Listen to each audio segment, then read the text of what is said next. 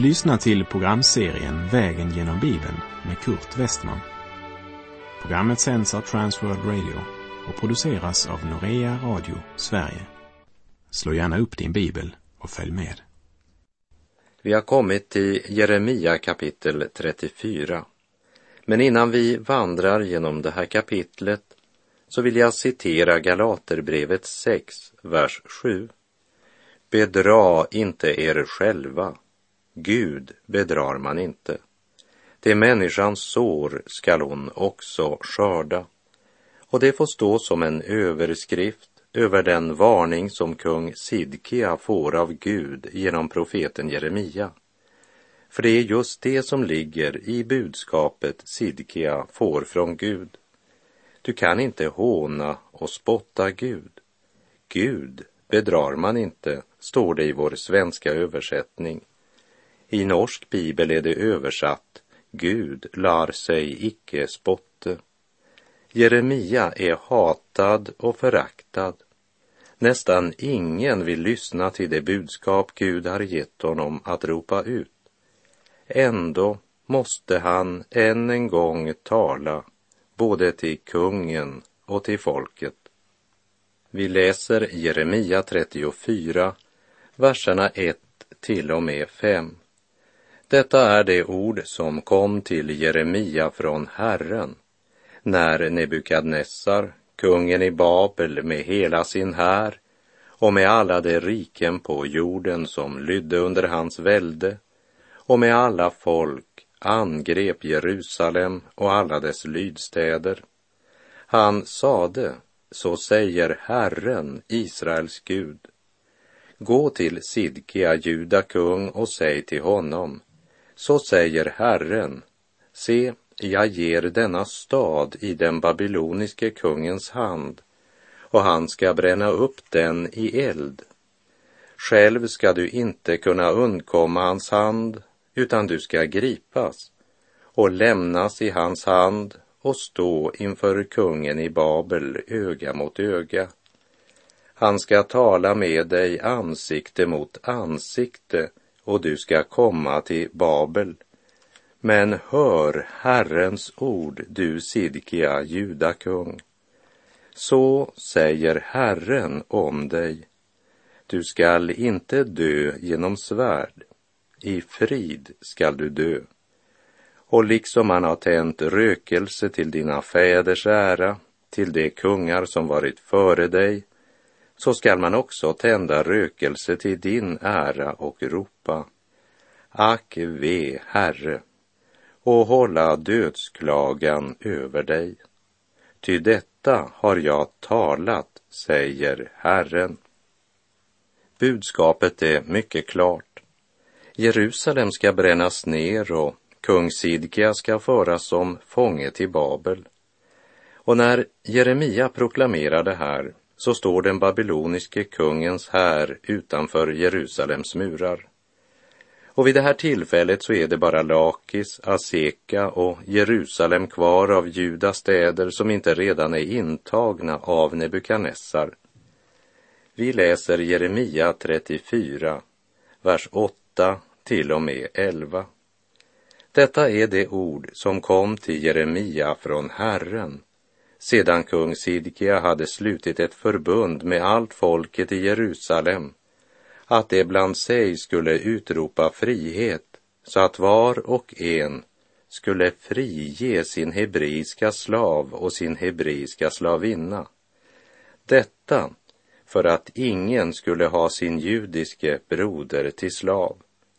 Alla förstarna och allt folket lydde detta, det som hade gått med i förbundet, att var och en skulle ge sin slav och sin slavinna fria och inte mer skulle ha dem som slavar.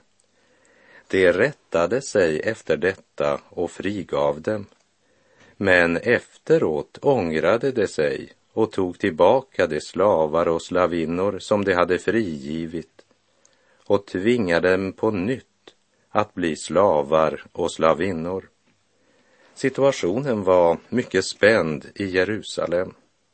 Man hade hört ryktet om att de flesta judiska städer redan var besegrade. Det såg verkligen allvarligt ut för Jerusalem nu. Jerusalems förstar hade nog mera råg i ryggen än den svage kung Sidkia som vi ser när vi läser resten av kapitlet. Men kungen inser att faran är överhängande och att deras stad snart kan falla i fiendens hand.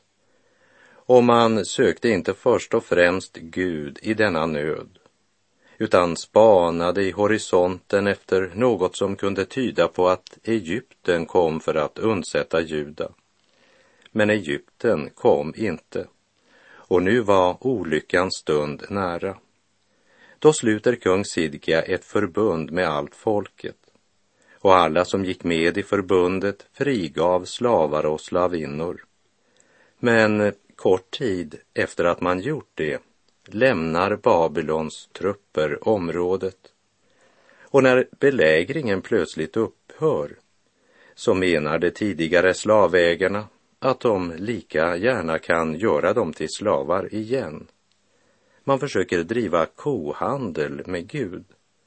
Men när man har fått betalt vill man ändå ha kon med sig hem. Tänk så smart man är. Men som jag citerade från Galaterbrevet 6.7 där Paulus skriver Bedra inte er själva. Gud bedrar man inte. Det människans sår skall hon också skörda. Genom detta svek, både mot Gud och även mot de fattigaste bland folket, så vanäras Guds namn.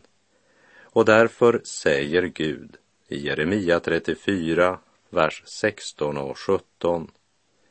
Men ni har ändrat er och vanhelgat mitt namn. Var och en har tagit tillbaka sin slav och sin slavinna som ni hade släppt fria enligt deras önskan. Nu har ni tvingat dem att bli era slavar och slavinnor igen. Därför säger Herren så. Ni har inte hört på mig och utropat frihet var och en för sin broder och sin nästa.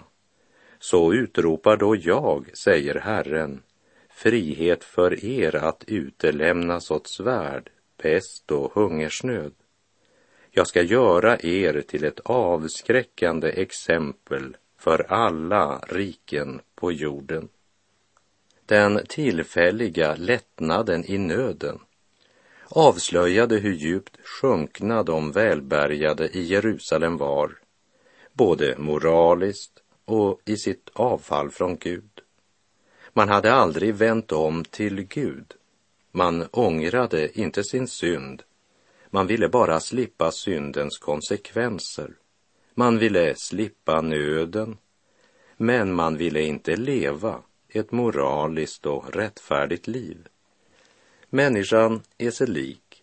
Så fort hon får det lite bättre tar hon tillbaka sina löften, glömmer Gud och tänker bara på personlig vinning, egen ära, njutning och tidsfördriv. Man lurar till sig så mycket och vet inte att det är sig själv man lurar.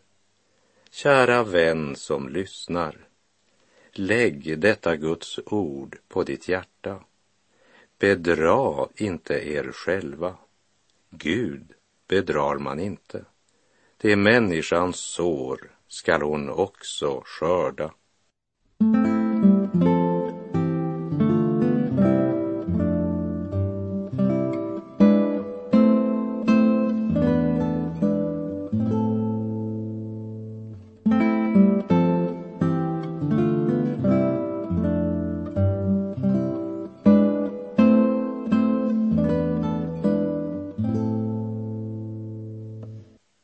Tänk om Sidkia och de välbärgade i Jerusalem verkligen hade frigivit sina systrar och bröder som var slavar. Tänk vilket vittnesbörd det hade varit för resten av världen. Detta är Guds folk, ett annorlunda folk. Men det var bara hyckleri, något man gjorde i en nödsituation man fruktade bara för olyckan. Man fruktade inte Gud. Därför gav man Gud löften och man släppte slavar och slavinnor. Men så fort olyckan såg ut att vara över så bröt man löftet. Man måste ju vara smart om man ska komma någon vart här i livet. Och den filosofin bringade inte bara dem själva i det allra största elände, men det vanärade också Guds namn. Det liv ett Guds barn lever lägger världen märke till, långt mer än vad vi är klara över. När man å ena sidan bekänner sig tro på Gud och hans ord och samtidigt inte inrättar sitt liv i samsvar med Guds ord och heliga vilja, då vanäras Guds namn. I Jeremia 23, 29 sa Herren, är inte mitt ord som en eld, säger Herren, och likt en slägga som krossar klippor. Och nu har stunden kommit då Guds slägga slungar ut följande budskap till den kung, de präster och det folk som avfallit från Gud och vanärat hans namn. Vi läser Jeremia 34, verserna 21 och 22. Jag ska utelämna Sidkia, Juda kung och hans förstar i deras fienders hand till de män som vill döda dem och till den babyloniske kungens här som nu har dragit bort ifrån er. Se, jag ska befalla dem, säger Herren, att de vänder tillbaka till denna stad. De ska belägra den, inta den och bränna ner den. Jag ska göra Judas städer till en ödemark där ingen bor. Jeremia hade nog upplevt en kortvarig glädje när han hörde att slavar och slavinnor hade blivit frigivna. Men när hotet mot Jerusalem lättade tog kung Sidkia tillbaka proklamationen om slavarnas frigivande. Men ingenting skulle gå som Sidkia hade tänkt. Fienden som för ett ögonblick hade lämnat området runt Jerusalem skulle snart vända åter. Och när vi kommer till Jeremia kapitel 52 ska vi höra hur staden läggs i grus. Bedra inte er själva, Gud bedrar man inte. Det är människans sår skall hon också skörda.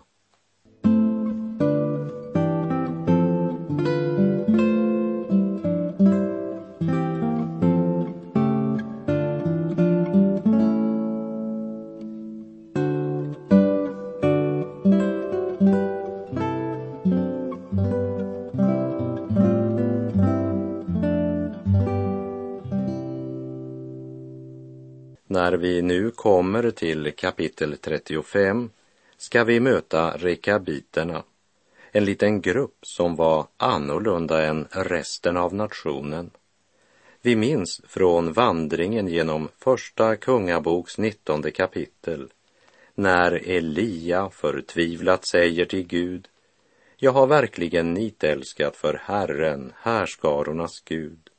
Ty Israels barn har övergivit ditt förbund, rivit ner dina altaren och dödat dina profeter med svärd. Jag är ensam kvar och de försöker ta mitt liv. Men då svarade Gud, Första Kungabok 19.18.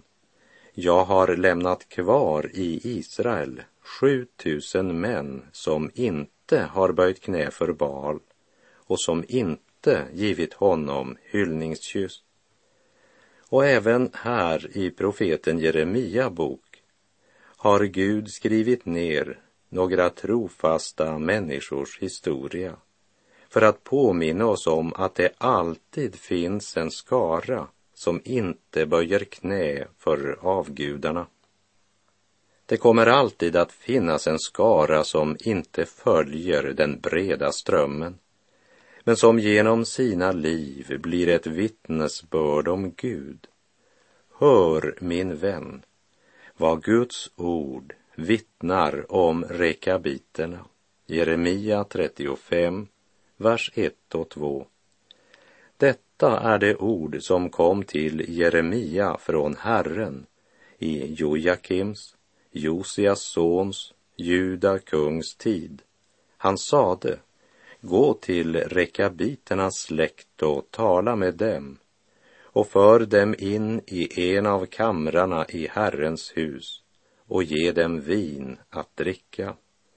Och Jeremia gör som Gud befallt honom och han sätter fram kannor fulla av vin och bägare för rekabiterna och säger Varsågod, vilken ära att bli inbjuden hit.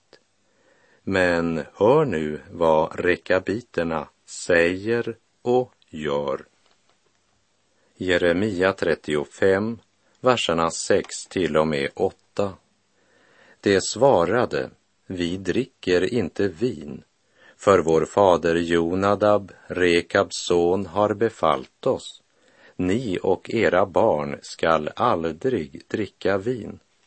Ni ska inte bygga hus, inte så säd eller plantera vingårdar och inte heller äga sådana, utan ni ska bo i tält i all er tid, för att ni länge ska leva i det land där ni bor som främlingar.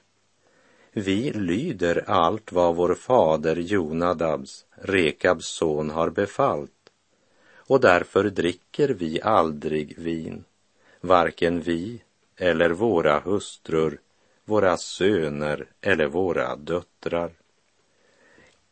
Kapitel 34 talade om de välsituerades löftesbrott. Här talas om hur några av det allmänna folket håller sitt löfte. Och det är helt uppenbart en grupp människor som Jeremia respekterar.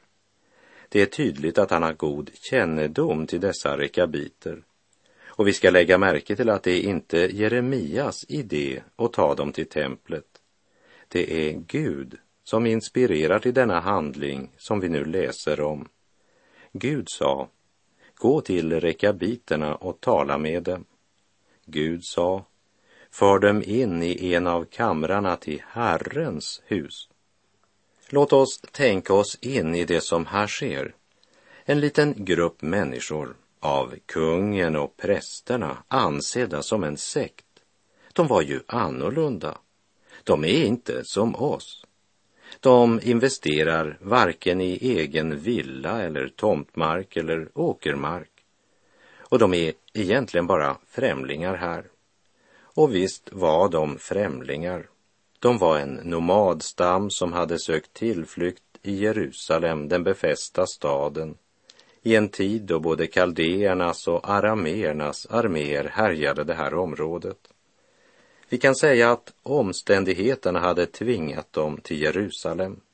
Och där visade sig att Gud och Guds profet har användning för dessa enkla människor som kännetecknades av att de höll sina löften. Sannerligen ett annorlunda folk. Jeremia går och talar med dem, inbjuder dem att komma till en av kamrarna i Herrens hus och dit går de tydligen gärna. De eh, verkar ha förtroende för Jeremia, går gärna med den mannen. Så kommer då en föraktad profet och en liten släktgren som ingen i Israel räknade med upp till en av kamrarna som användes till gemenskapsmåltid av de familjer som kommit till templet för att offra. Sannolikt har Jeremia valt ett av de rum som vände ut mot förgården. Och jag tror det väckte förundran bland folket i Jerusalem. Ska Jeremia upp till templet? Vem i all världen har han med sig? Har, har han gått med i den sekten nu? Skaror strömmar nyfiket samman. Vad är det nu som ska ske? Det är något nytt på gång. Låt oss se vad Jeremia har hittat på den här gången. Personligen tror jag att det var mycket folk som samlades i förgården vid det här tillfället. Så dukar Jeremia till gemenskap och fest. Han ställer fram kannor fulla av vin och säger Varsågod, bara ta för er. Jeremia visste i förväg vad svaret skulle bli. Ja, det hade han faktiskt räknat med. De nekar att dricka vin. Och den stora folkskaran möter här en förkunnelse som är mer än ord. Och de frågar, vad är det som föregår här? De hade en gång i livet avgivit ett löfte att aldrig dricka vin. Och det måste väl Jeremia förstå att eftersom de avgett det löftet så är det helt naturligt att tacka nej. Med denna händelse som åskådningsundervisning börjar Jeremia förkunna Herrens ord till de församlade. Vi läser Jeremia 35, verserna 13 till och med 17. Så säger Herren Seba åt Israels Gud. Gå och säg till Judas män och till Jerusalems invånare skall ni då inte ta emot tillrättavisning och lyssna till mina ord, säger Herren. Det bud som Jonadab, Rekabs son, gav sina barn, att de inte skulle dricka vin, det har de hållit och än idag dricker de inte vin eftersom de lyder sin faders befallning. Men själv har jag gång på gång talat till er och ni har inte lyssnat till mig. Gång på gång har jag sänt till er mina tjänare profeterna och låtit säga Vänd om var och en från sin onda väg, bättra ert sätt att leva och följ inte efter andra gudar så att ni tjänar dem. Då ska ni få bo i det land som jag har givit er och era fäder. Men ni slog dövörat till och lyssnade inte på mig. Eftersom detta folk inte har gjort som jag har sagt, så som Jonadabs, Rekabs sons efterkommande har följt den befallning som deras fader gav dem. Därför säger Herren, härskarornas Gud, Israels Gud, så. Se över Juda och över alla Jerusalems invånare ska jag låta all den olycka komma som jag har uttalat över dem, därför att de inte lyssnade när jag talade till dem och inte svarade när jag kallade på dem. Är det inte underligt, säger Gud, att det folk som för 250 år sedan avgav ett löfte, de har hållit det löftet, trots att det gör dem till en fattig, kringvandrande nomadstam.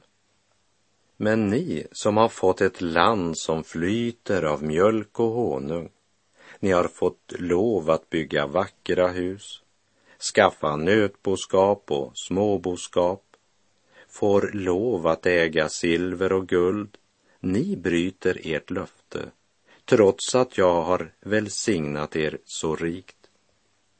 I femte Mosebok 8, vers 11 till 13 hade Israels barn fått följande påminnelse. Se till att du inte glömmer Herren din Gud, utan håller hans bud, föreskrifter och stadgar som jag idag ger dig. När du äter och blir mätt och bygger vackra hus och bor i dem, när din nötboskap och din småboskap förökas och ditt silver och guld och allt annat du har förökas, då må du inte i ditt hjärta bli högmodig så att du glömmer Herren, din Gud. Ändå var det just det som hade hänt. De blev högmodiga. De glömde Gud, vände honom ryggen och föraktade hans ord. I första Korinterbrevet 1, verserna 27 till 29 skriver Paulus. Nej, det som för världen var dåraktigt har Gud utvalt för att låta det visa stå där med skam. Och det som för världen var svagt har Gud utvalt för att låta det starka stå där med skam. Och det som för världen var oansenligt och föraktat ja, det som inte var till, har Gud utvalt för att göra till intet det som var till, för att ingen människa skall berömma sig inför Gud. Och det stadfästs också av det löfte Gud ger rekabiterna. Jeremia 35, vers 18 och 19. Till rekabiterna sade Jeremia, så säger Herren Sebaot, Israels Gud. Därför att ni har följt er fader Jonadabs befallning och hållit alla hans befallningar och på allt sätt gjort som han befallt er. Därför säger Herren Sebaot, Israels Gud så. Jonadab, Rekabs son, kommer alltid att ha en avkomling i tjänst inför mitt ansikte. Gud drar en klar skiljelinje mellan rekabiterna som så trofast hållit de befallningar som deras jordiska fäder gett dem och prästerna och folket i Juda som struntade i sin himmelske fars befallningar. Så trots den straffdom som skall komma över Jerusalem och Juda skall rekabiternas släkt leva vidare och alltid tjäna Herren. I Första Samuels bok 15 så tillrättavisar Samuel kung Saul med följande ord. Har Herren samma glädje i brännoffer och slaktoffer som att man hör Herrens röst? Se, lydnad är bättre än offer och hörsamhet bättre än det feta av baggar. Det berättas om reformatorn Martin Luthers första vistelse i Wittenberg, varifrån han skrev till sin överordnade i Erfurt. Pesten är nu här och härjar svårt, särskilt bland den kära ungdomen. Ni råder mig att jag ska fly härifrån. Jag hoppas att världen inte ska ramla ihop om broder Martin Luther dör. Jag har fått min post anvisad här. Jag vill visa lydnad och inte fly. Och när den som placerat mig här befaller mig härifrån, då lyder jag. Tro utan trohet gagnar dig inte, säger en av våra fäder. Och med det så är vår tid ute för den här gången. Tills vi hörs igen så vill jag att du ska läsa avsnittet om rekabiterna några gånger under eftertanke och bön. Ty allt som tidigare har skrivits, det är skrivet till vår undervisning för att vi genom den uthållighet och tröst som skrifterna ger skall bevara vårt hopp. Herren vare med dig Må hans välsignelse vila över dig. Gud är god.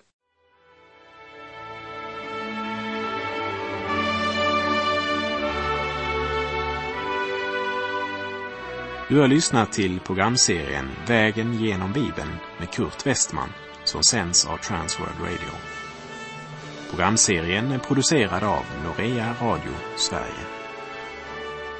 Om du önskar mer information om vårt radiomissionsarbete så skriv till Norea Radio Sverige, box 3419 103 68 Stockholm. Adressen är alltså Norea Radio Sverige, box 3419. Postnumret 10368 Stockholm.